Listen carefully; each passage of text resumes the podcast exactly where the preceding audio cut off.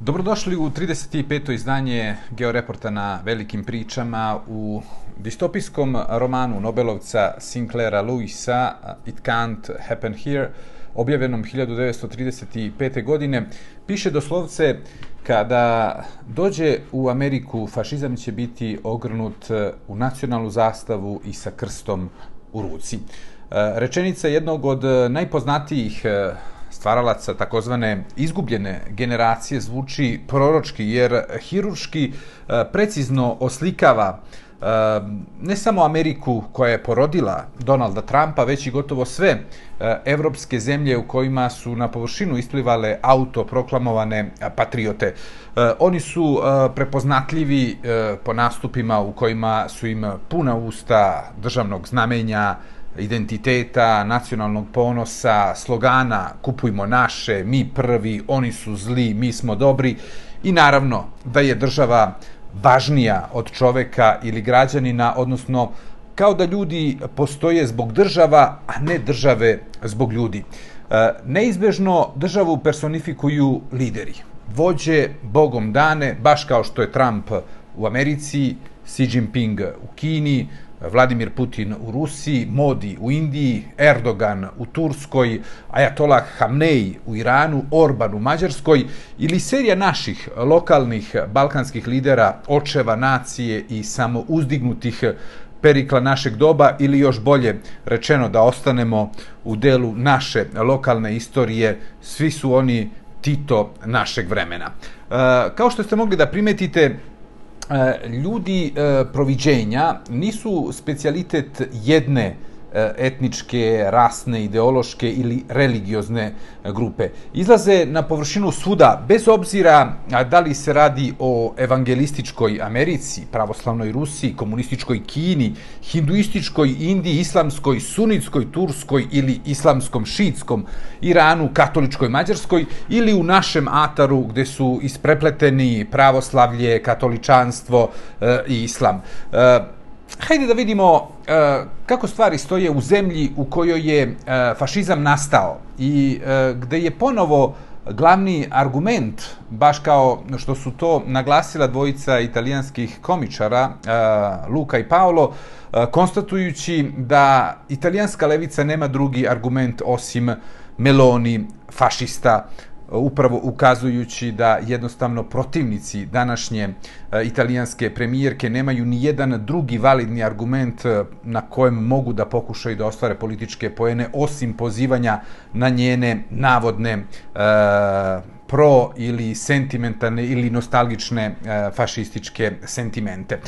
Uh, Umberto Eco je u svom eseju Večni fašizam detektovao sve atavizme Mussolinijeve ideologije koji su uh, ostali prilično ukorenjeni u delu italijanskog društva. Uh, ali ako uzmemo u obzir opis Eka, vidjet ćemo da u njemu mogu da se prepoznaju svi, od onih koji danas jeli, žive u Srbiji ili Mađarskoj ili Bosni i Hercegovini, Crnoj Gori ili e, istoj e, Nemačkoj, na primjer, ili Francuskoj, gdje također imamo e, političke snage koje upravo baštine ono što je detektovao kao takozvani urfašizam Umberto Eco.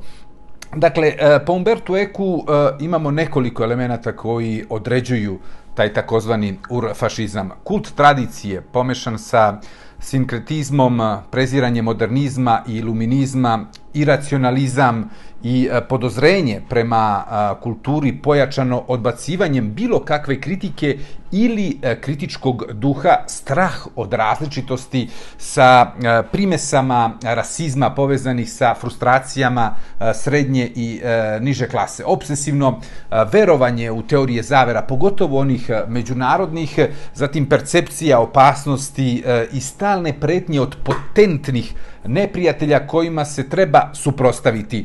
E, forsiranje ideje o heroizmu, mačizmu i žrtvovanju za više interese. Naravno, uvek su drugi žrtvovani, e, a nikada vođe. Oni uvek jeli, su ti koji navijaju da svi ostali se žrtvuju za tu višu stvar koja je uglavnom ora karakterisana kao patriotizam ili plemeniti nacionalizam, šta god to značilo. Takođe, populizam i zaklanjanje iza naroda, pošto su e, individualna prava e, poništena u takvom sistemu vrednosti. Bitno je samo šta misli narod. I nigde ne postoje građani, već samo narod kao masa, a jedini ovlašćeni tumač volje naroda je naravno vođa. I na kraju upotreba novog jezika, što jednostavnijeg i banalnijeg. Sve su dakle to karakteristike urfašizma i urfašista, kako ih je detektovao besmrtni Eko. Koliko tipova fašizma imamo u Italiji? E, u Italiji imamo tri grupacije koji e, popunjavaju galaksiju tvrde i ekstremne desnice. E, neofašisti, imaginarni fašisti i anti-antifašisti. E, njima treba dodati i e, podvrstu pod vrstu ko, koju smo već nešto rekli, a to su urfašisti po definiciji Umberta Eka. Takođe, e, južno od Alpa, mit o Benitu Mussoliniju kao velikom državniku koji je napravio par grešaka, save s Adolfom Hitlerom i e, rasni zakoni, u moru, dakle, dobrih stvari koju, e, koje je Duče uradio, nažalost ima zabrinjavajuće veliki broj pobornika i onih koji veruju da je to zaista tako bilo, uključujući i samu premijerku Giorgio Meloni, predsjednika Senata Injacija Larusu. Njih je e, teško, dakle, te, kako bih mogli da ih e, nazovemo, e, imaginarne e, fašiste je teško kvantifikovati, ali sa sigurnošću može da se kaže da ih ima više od 10%, jer e, jednostavno taj Dučeov duh lebdi i nad drugom republikom kao što se provlačio kroz prvu, mada se nije toliko pričalo o tome kao što je sada e, slučaj. Eh, neofašisti. Eh, neofašista u Italiji ima zaista veoma malo. Eh, međutim, ne toliko malo da bi mogli da se ignorišu.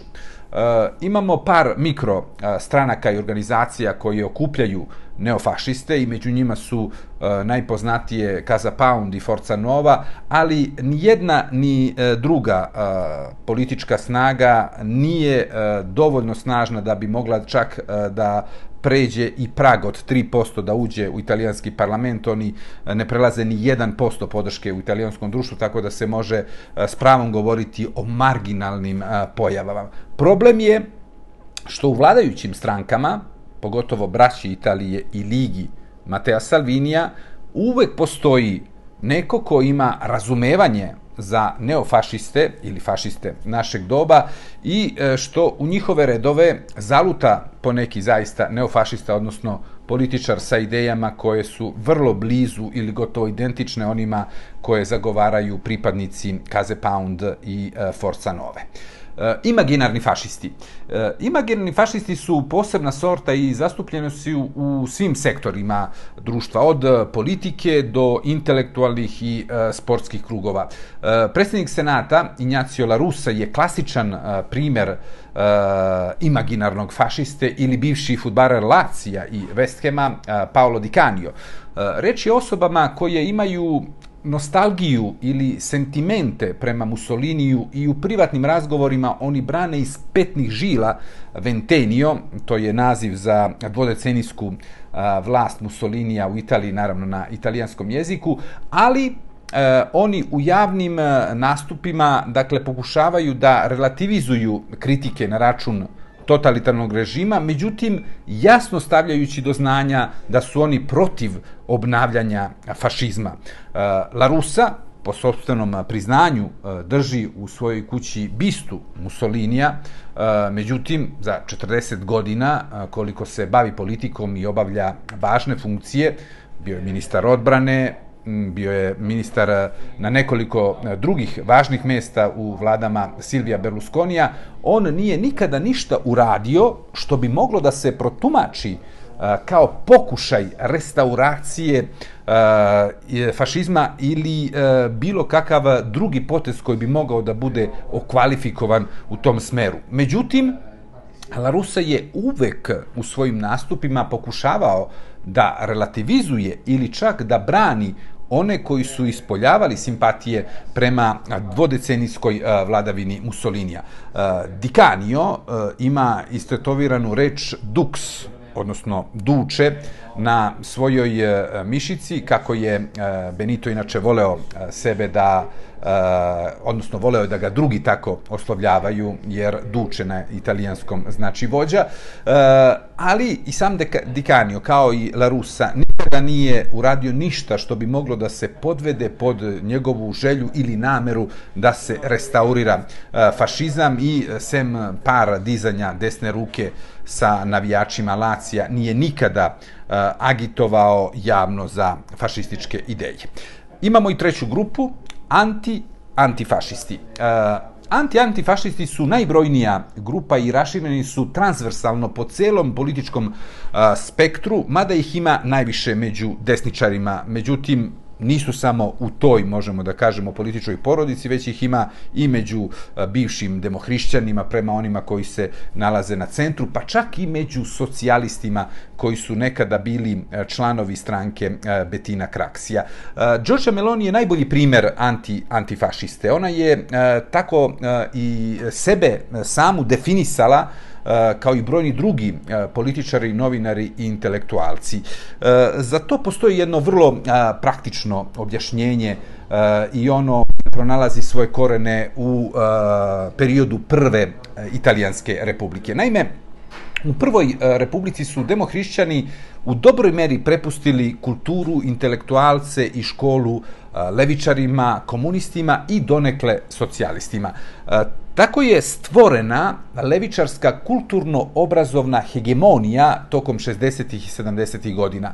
Kao reakcija na tu kulturološku dominaciju se kreiraju krugovi koji nisu neofašistički ili nostalgični za fašističkim vremenima, ali su alergični na nametanje takozvanog antifašističkog e, narativa i obrazca razmišljanja u krug anti-antifašista je često, primjera radi, eh, pogrešno eh, svrstavan Indro Montanelli, eh, najveći novinar kojeg je imala Italija, a možemo da kažemo i Evropa u 20. veku. Montanelli je bio liberal, i mnogi liberali uh, budu pogrešno zavedeni u tu grupu anti-antifašista i kada govorimo o Montaneliju, njegov je, možemo da kažemo, greh bio što je iz njegove novinarske škole izašao veliki broj uh, urednika, direktora, poznatih novinara, koji su danas perjanice tog anti-antifašističkog stava, zbog čega se uh, Montanelli stavlja u koš sa njima. Neofašisti i eh, braća Italije Giorgio Meloni. Eh, stranka premijerke Giorgio Meloni, braća Italije, se smatra unukom eh, MSI-a, odnosno Movimento Sociale Italiano, odnosno italijanski socijalni pokret Đorđa Almirante, ne samo zbog nasleđene trobojne vatre u grbu partije, simbolu MSI-a, već i zbog činjenice da je za e, 90% rukovodećeg kadra i više od dve trećine e, članstva braće Italije e, došlo, odnosno prošlo kroz Movimento Sociale Italiano ili Nacionalni savez, stranka koja je nasledila MSI. Iza neofašističkih e, grupa stoje dve klasične neofašističke organizacije koje smo već spomenuli, Kaza Pound i Forza Nova, ali su to dve minorne političke partije koje ne uspevaju da prebace ni jedan odsto glasova na izborima, kao što smo rekli, i ne mogu u nijednom scenariju da postanu parlamentarne stranke, a kamoli da imaju ozbiljni uticaj u italijanskom političkom okruženju. Melonijeva pripada grupi italijanskih desničara koji su politički e, se kreirali na postulatima Eh, MSI-a i jedan od ključnih je bila maksima Augusta de Marsanića non rinegare e non restaurare. Eh, ne negirati i ne restaurirati. Drugim rečima, ne stideti se fašističkog perioda Italije, ali bez želje da se on obnovi, što bi u konkretnom slučaju značilo i krivično delo za koje su propisane vrlo visoke zatvorske kazne. Demar Sanić, inače drugi čovek MSI-a iza Almiranta i dugogodišnji član Mussolinijeve vlade, je lansirao pomenutu izreku kada je usvojen takozvani zakon Šelba s kojim se zabranjuje apologija fašizma, osim u slučajevima kada se odaje počast ili pijetet prema mrtvima. Uh, sudska praksa i ustavna rešenja za koja se zdušno borio i lider italijanske komunističke partije, Palmiro uh, Toljati, omogućili su da fašizam ili uh, neofašizam, sve dok su na nivou ideja i slobode mišljenja, ne predstavljaju krivično delo. Oni to postaju onog momenta kada neko uradi nešto konkretno na realizaciji takvih ideja ili pokuša restauraciju fašističkog režima. E, Sama Meloni u jednom intervju kao e, mlada aktivistkinja u posljednjoj deceniji prošlog veka, poput e, E, stotine e, drugih političara, intelektualaca, pa čak i e, visokih vojnih oficira, posljednji u nizu je general Roberto Vanači, koga Mateo Salvini želi da kandiduje kao nosioca liste lige na izborima za Evropski parlament, je definisala Mussolinija kao velikog državnika. Ta izjava je data u razgovoru za jednu francusku televiziju i ona se stalno izlači Eh, na površinu kada neko želi da ocrni Giorgio Meloni ili da dokaže kako je ona eh, neofašistkinja, odnosno da ima nostalgiju za fašizmu, što naravno eh, nije tačno. Fašizam i komunizam po uh, Melonijevoj. Uh, slaba tačka uh, prve žene premijerke u italijanskoj istoriji je ta što se iz njenog različitog stava prema žrtvama komunizma i fašizma, kao i u pogledima na ta dva totalitarna režima, jasno percepira veo simpatija prema Mussoliniju i njegovom režimu. U svojoj knjizi pamfletu Io sono Giorgia, ja sam Giorgia, liderka braća Italije, metaforički e, ne vidi žrtve fašizma, ali glorifikuje sve one, a bilo ih je tokom 60. i 70. godina prošlog veka, koji su platili visoku cenu životom, zdravljem, karijerom, poslovnim uspehom, stavove koji su bili na liniji Đorđa Almiranta i njegovog pokreta i suprotni traženom antifašističkom narativu.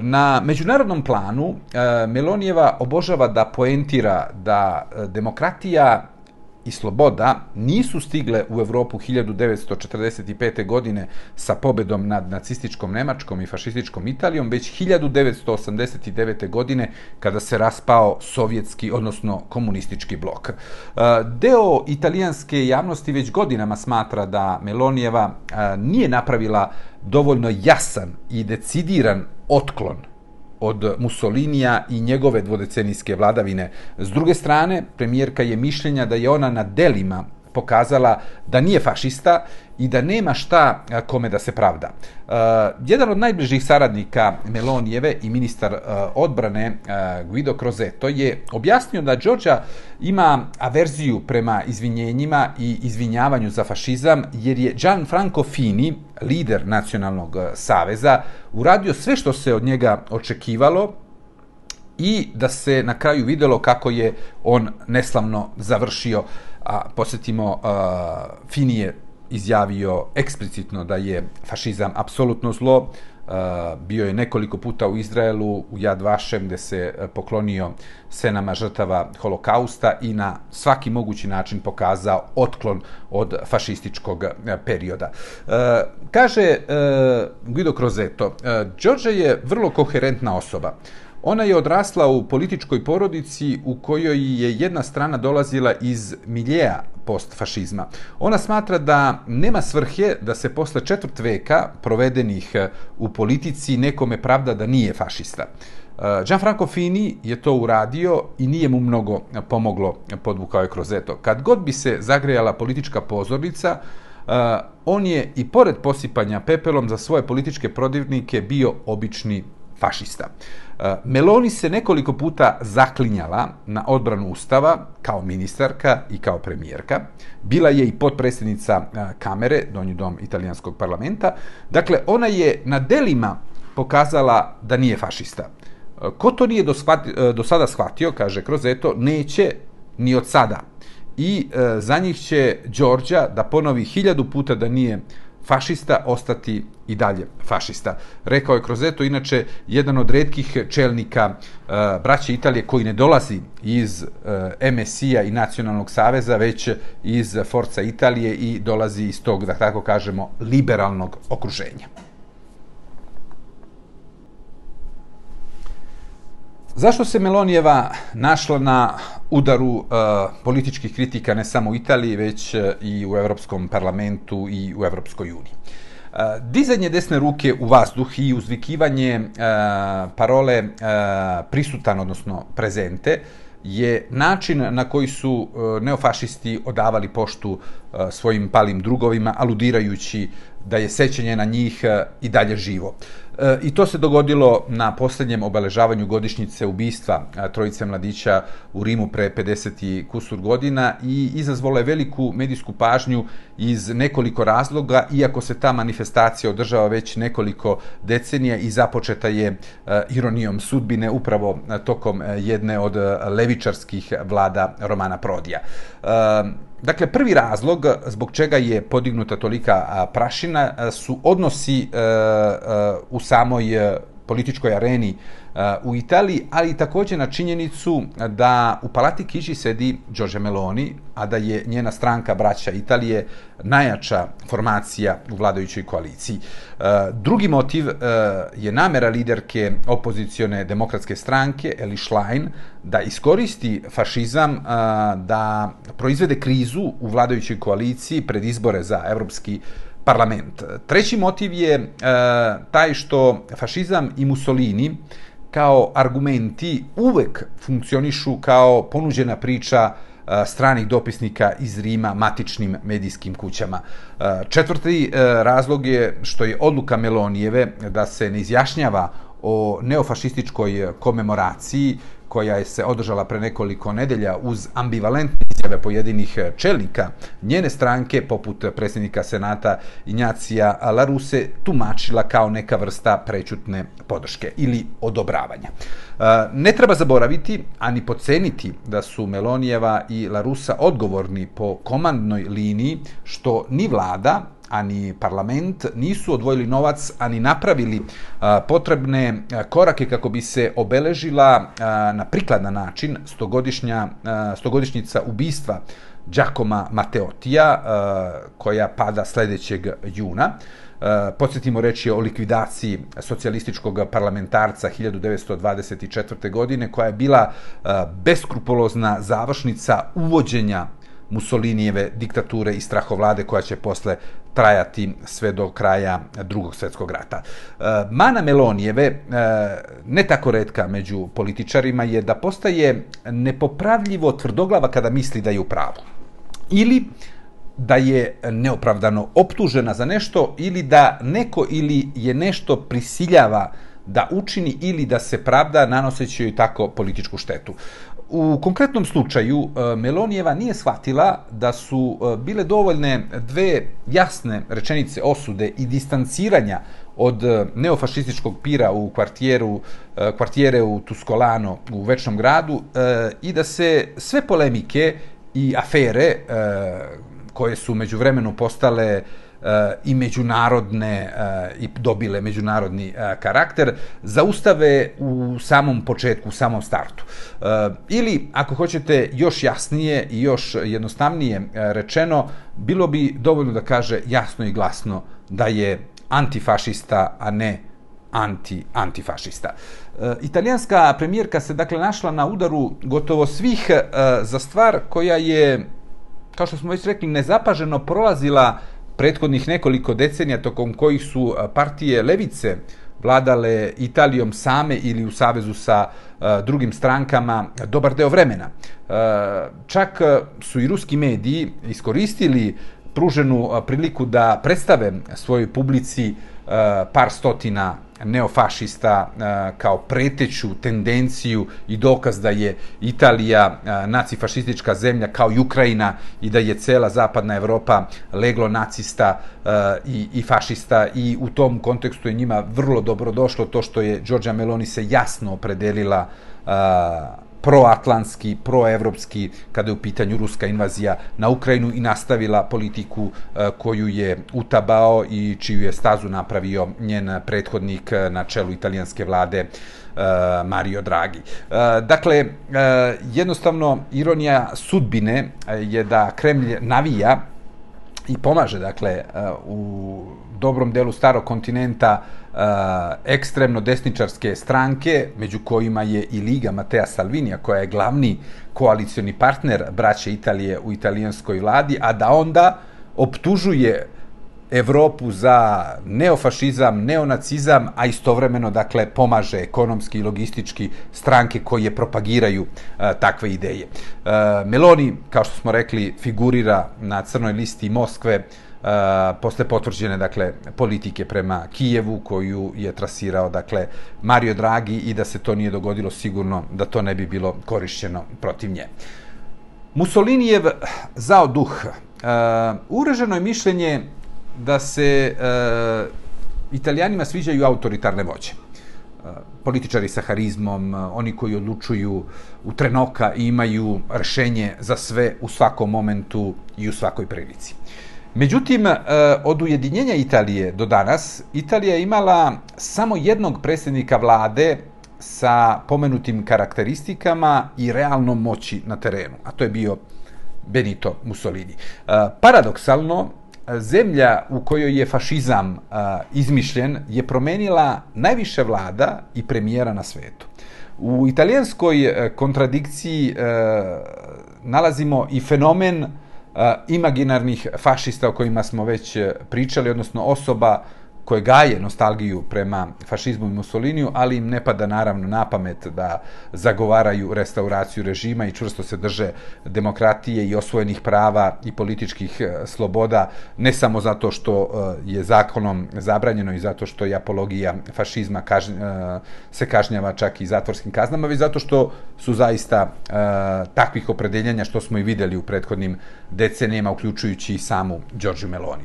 Eh, već eh, duži niz godina eh, najprodananije knjige u Italiji su one koje govore o Benitu Mussoliniju. Među najtraženijim kalendarima, i to je već postala tradicija, su oni inspirisani Dučeom. Rodna kuća oca fašizma u Predapiju je jedna od turističkih atrakcija u Romanji. Ne smeta ni to što je već godinama u toj varoši na vlasti Levica, Eh, i šta više oni pospešuju tu vrstu turizma jer od toga žive jer im to donosi novac.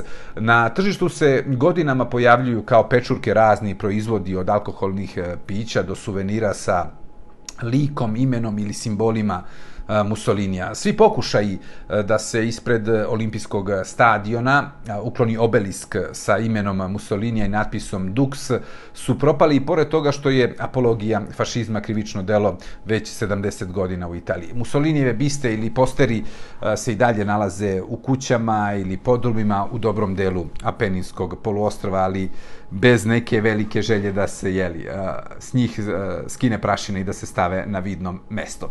Italijanski političari, novinari, intelektualci, javne ličnosti, ali i sami građani često citiraju Dučea, ne samo u kafanama ili barovima, e, već i u medijima ili na javnim skupovima. Neredko mu pripisuju čak i efektne opaske e, koje Mussolini nije nikada izgovorio ili ih je pozajmio, poput čuvene rečenice američkog glumca Johna Belushija, kada igra postane tvrda, tvrdi počinju da igraju. Sličnost između Maovih komunista i Mussolinijevih imaginarnih fašista. U prve tri decenije posle drugog svjetskog rata, period vladavine fašizma i Mussolini su bili, možemo da kažemo, tabu teme Eh, u italijanskom društvu. Eh, takozvani Ventenio se nije pominjao, o Dučevu se nije pričalo, a kamoli ozbiljnije e, proučavalo. E, ono što bi danas nazvali suočavanje sa prošlošću je trajalo taman toliko koliko su mrtva tela Benita Mussolini i Clarete Petači visili na opačke e, okrenuti na trgu Loreto u Milanu. Što bi rekao Winston Churchill e, neposredno po završetku rata 1945. godine, bizaran je italijanski narod. Danas imamo 45 miliona fašista, sutra 45 miliona antifašista i partizana, pa opet na popisu stanovništva ne rezultira da imamo 90 miliona Italijana. Naravno, posle drugog svjetskog rata je bilo 45 miliona Italijana, danas ih je oko 60 miliona. U pomenutom vremenskom vakumu, e, brojni direktni svedoci i akteri fašističkog režima su e, umrli ili su dovoljno ostarili da bi predstavljali prepreku novim generacijama Italijana da krenu u obračun sa zlim duhovima prošlosti svojih očeva i e, deda. U tom e, periodu je e, i kreiran jedan od omiljenih e, italijanskih sportova, a to je lepljenje etikete fašista svim političkim protivnicima sa kojima se ne slažete. E, veoma je mali broj e, ovdašnjih e, političara koji nisu e, bili pre ili kasnije definisani kao fašisti od oponenata. Počev od Silvija Berlusconija, koji je najčešće e, dobijao taj taj, taj naziv i tu definiciju, pa sve do samog Matea Rencija, koji je bio premijer e, levičarske vlade i lider demokratske partije. Paralelno, e, kao što smo rekli, su sastavali ti takozvani imaginarni fašisti i paradoksalno, e, oni su imitirali, možemo da kažemo, kineski komuniste, koji su sačuvali lik i delo Mao Tse-tunga od ozbiljnije istorijske analize sa dogmom da kada se stave na tas dobre i loše stvari koje je napravio veliki vođa, prevažu one dobre i tu prestaje svaka rasprava. U tom kontekstu e, nastaju e, delimično ili potpuno e, netačne priče o Mussoliniju koji je po tim pričama modernizovao i izgradio Italiju, bonifikovao milione hektara e, močvara, uveo 13. platu, penzije, poboljšao prava radnika, skratio radnu nedelju. E, istina je da je u svemu tome bilo mnogo više propagande nego suštine. Fašizam je bio maestralan samo u političkom marketingu i manipulaciji, da pripisuje sebi tuđi rad, zasluge, ideje i da spektakularizuje svakodnevicu upravo u tom političkom propagandnom uh, kontekstu koji je naravno terao vodu na njihovu vodenicu. Jedan podatak je e, veoma indikativan i on nam e, pokazuje koliko je to bila propaganda što je predstavljano kao veliki uspeh Mussolinijeve fašističke vlade. Naime, prosječni italijan u vreme Prve republike je zarađivao oko 90% plate koji su imali prosječan Francuz i prosječan Nemac. Dok je u vreme fašizma jedva dobacivao do trećine primanja Francuza u trećoj republici između dva planetarna rata i to vam dovoljno govori koliko je bila velika razlika u uspešnosti Francuske koja je bila demokratska zemlja i Italije koja je bila fašistička i totalitarna. Da li je fašizam umro sa Mussolinijem? E, kao što je Gaj Julije Cezar uticao vekovima na vojskovođe i vladare koji su ga oponašali do u najsitnije e, detalje. Tako je Mussolini postavio standarde koji su kopirali e, diktatori, autokrate, kleptokrate, bez obzira da li su dolazili sa desnice ili levice, da li su bili fašisti, nacisti, kleronacionalisti, komunisti ili pseudo-socijalisti. E, Mussolini, e, budući da je došao mlad na vlast, imao je manje od 40 godina, gradio je kult tela, muškosti, potentnosti. Bio je prvi predsjednik vlade koga je svet video u kupaćim gaćama, u, vojnim, uni, u vojnoj uniformi, e, sa golim grudima i srpom u rukama, okružen devojkama tokom žetve, na konju, u galopu, e, za volanom trkačkog automobila, u belim modelima i uniformama u društvu pionira i pionirki, u Italiji su ih e, zvali a, Balila. A, Mussolinija su, dakle, imitirali svi diktatori 20. veka, uključujući i levičarske poput Josipa Broza Tita. U Mussolinijoj kancelariji sa balkonom iznad pljaca Venecije svetlo nije nikada gašeno jer je narod trebao da misli da duče ne spava nikad. Rečju, Mussolini je u imaginaciji širokih narodnih masa, zahvaljujući propagandi, radio sve, stizao svuda, pomagao svima. Duče je bio neka vrsta poluboga, spreman da ispravi svaku nepravdu i da zaustavi svačiju patnju, samo ga je trebalo upoznati sa njom. E, svoj vrhunac Mussolini je doživao sklapanjem lateranskih ugovora sa Vatikanom 1929. godine i e, taj period srećni, berišetni Mussolinije vladavine je trajao sve do početka rata u Etiopiji 1936. godine, kada ga je čak i Kler rimokatoličke crkve apostrofirao kao čoveka proviđenja i tu se vraćamo na početak našeg podcasta da svi diktatori vole da budu ljudi proviđenja ili božanske misije. Međutim, e, to što je Mussolini u dobrom delu svoje dvodecenijske vladavine uživao podršku većine Italijana ne umanjuje diktatorski i zločinački karakter njegove vladavine. E, politička ubistva, premlaćivanja, zastrašivanja, proganjanja protivnika i opozicije, ukidanje političkih prava i slobode štampe, ratovi u Africi, ratni zločini, korišćenje bojnih otrova, savezništvo sa nacističkom Nemačkom, okupacija Albanije, uvođenje rasnih e, zakona, e, deportacija jevreja u nemačke koncentracione logore, napad na Grčku i Jugoslaviju i na kraju i građanski rat u Italiji od 1943. do 1945. godine. Sve to je Mussolinijeva vladavina i to je mnogo uh, važnije i to je mnogo više istinitije nego cela propaganda koja je pričala kako je E, Mussolini fašistička naravno preporodio Italiju. Uh, osam decenija nakon kraha Mussolinijevog režima fašizam se krije u sitnim stvarima, e, prozaičnim gestovima, neizrecivim malim tajnama, načinu razmišljanja i negovanju društvenih bolesti koje ni 70 promenjenih vlada u Italiji nije uspelo da iskoreni. Korupcija, pravilo da se za prijatelje zakon i pravila interpretiraju, a za druge primenjuju, sklonost da se sredstva informisanja koriste za ličnu ili partijsku promociju, kao i preferenca da se hijerarhije e, poštuju više nego pravila i da budu mnogo važnija. E, ipak, kada sve stavimo na sto, i ako treba da donesemo e, zaključak iz cele ove priče, Mussolini je u jednoj, stra, jednoj stvari bio zaista u pravu kada je govorio da fašizam neće ga preživeti, odnosno da će umreti sa njim i da sve ono što vidimo danas je ništa drugo do istorijska kulisa koja preživljava bez nade da može da opstane, tako i on definisao svoj period na vlasti u Italiji E, tokom e, 20 godina praktično od završetka Prvog svjetskog rata pa do kraja Drugog svjetskog rata. Bilo bi to sve u ovom georeportu. Do sljedećeg slušanja i gledanja. Svako dobro.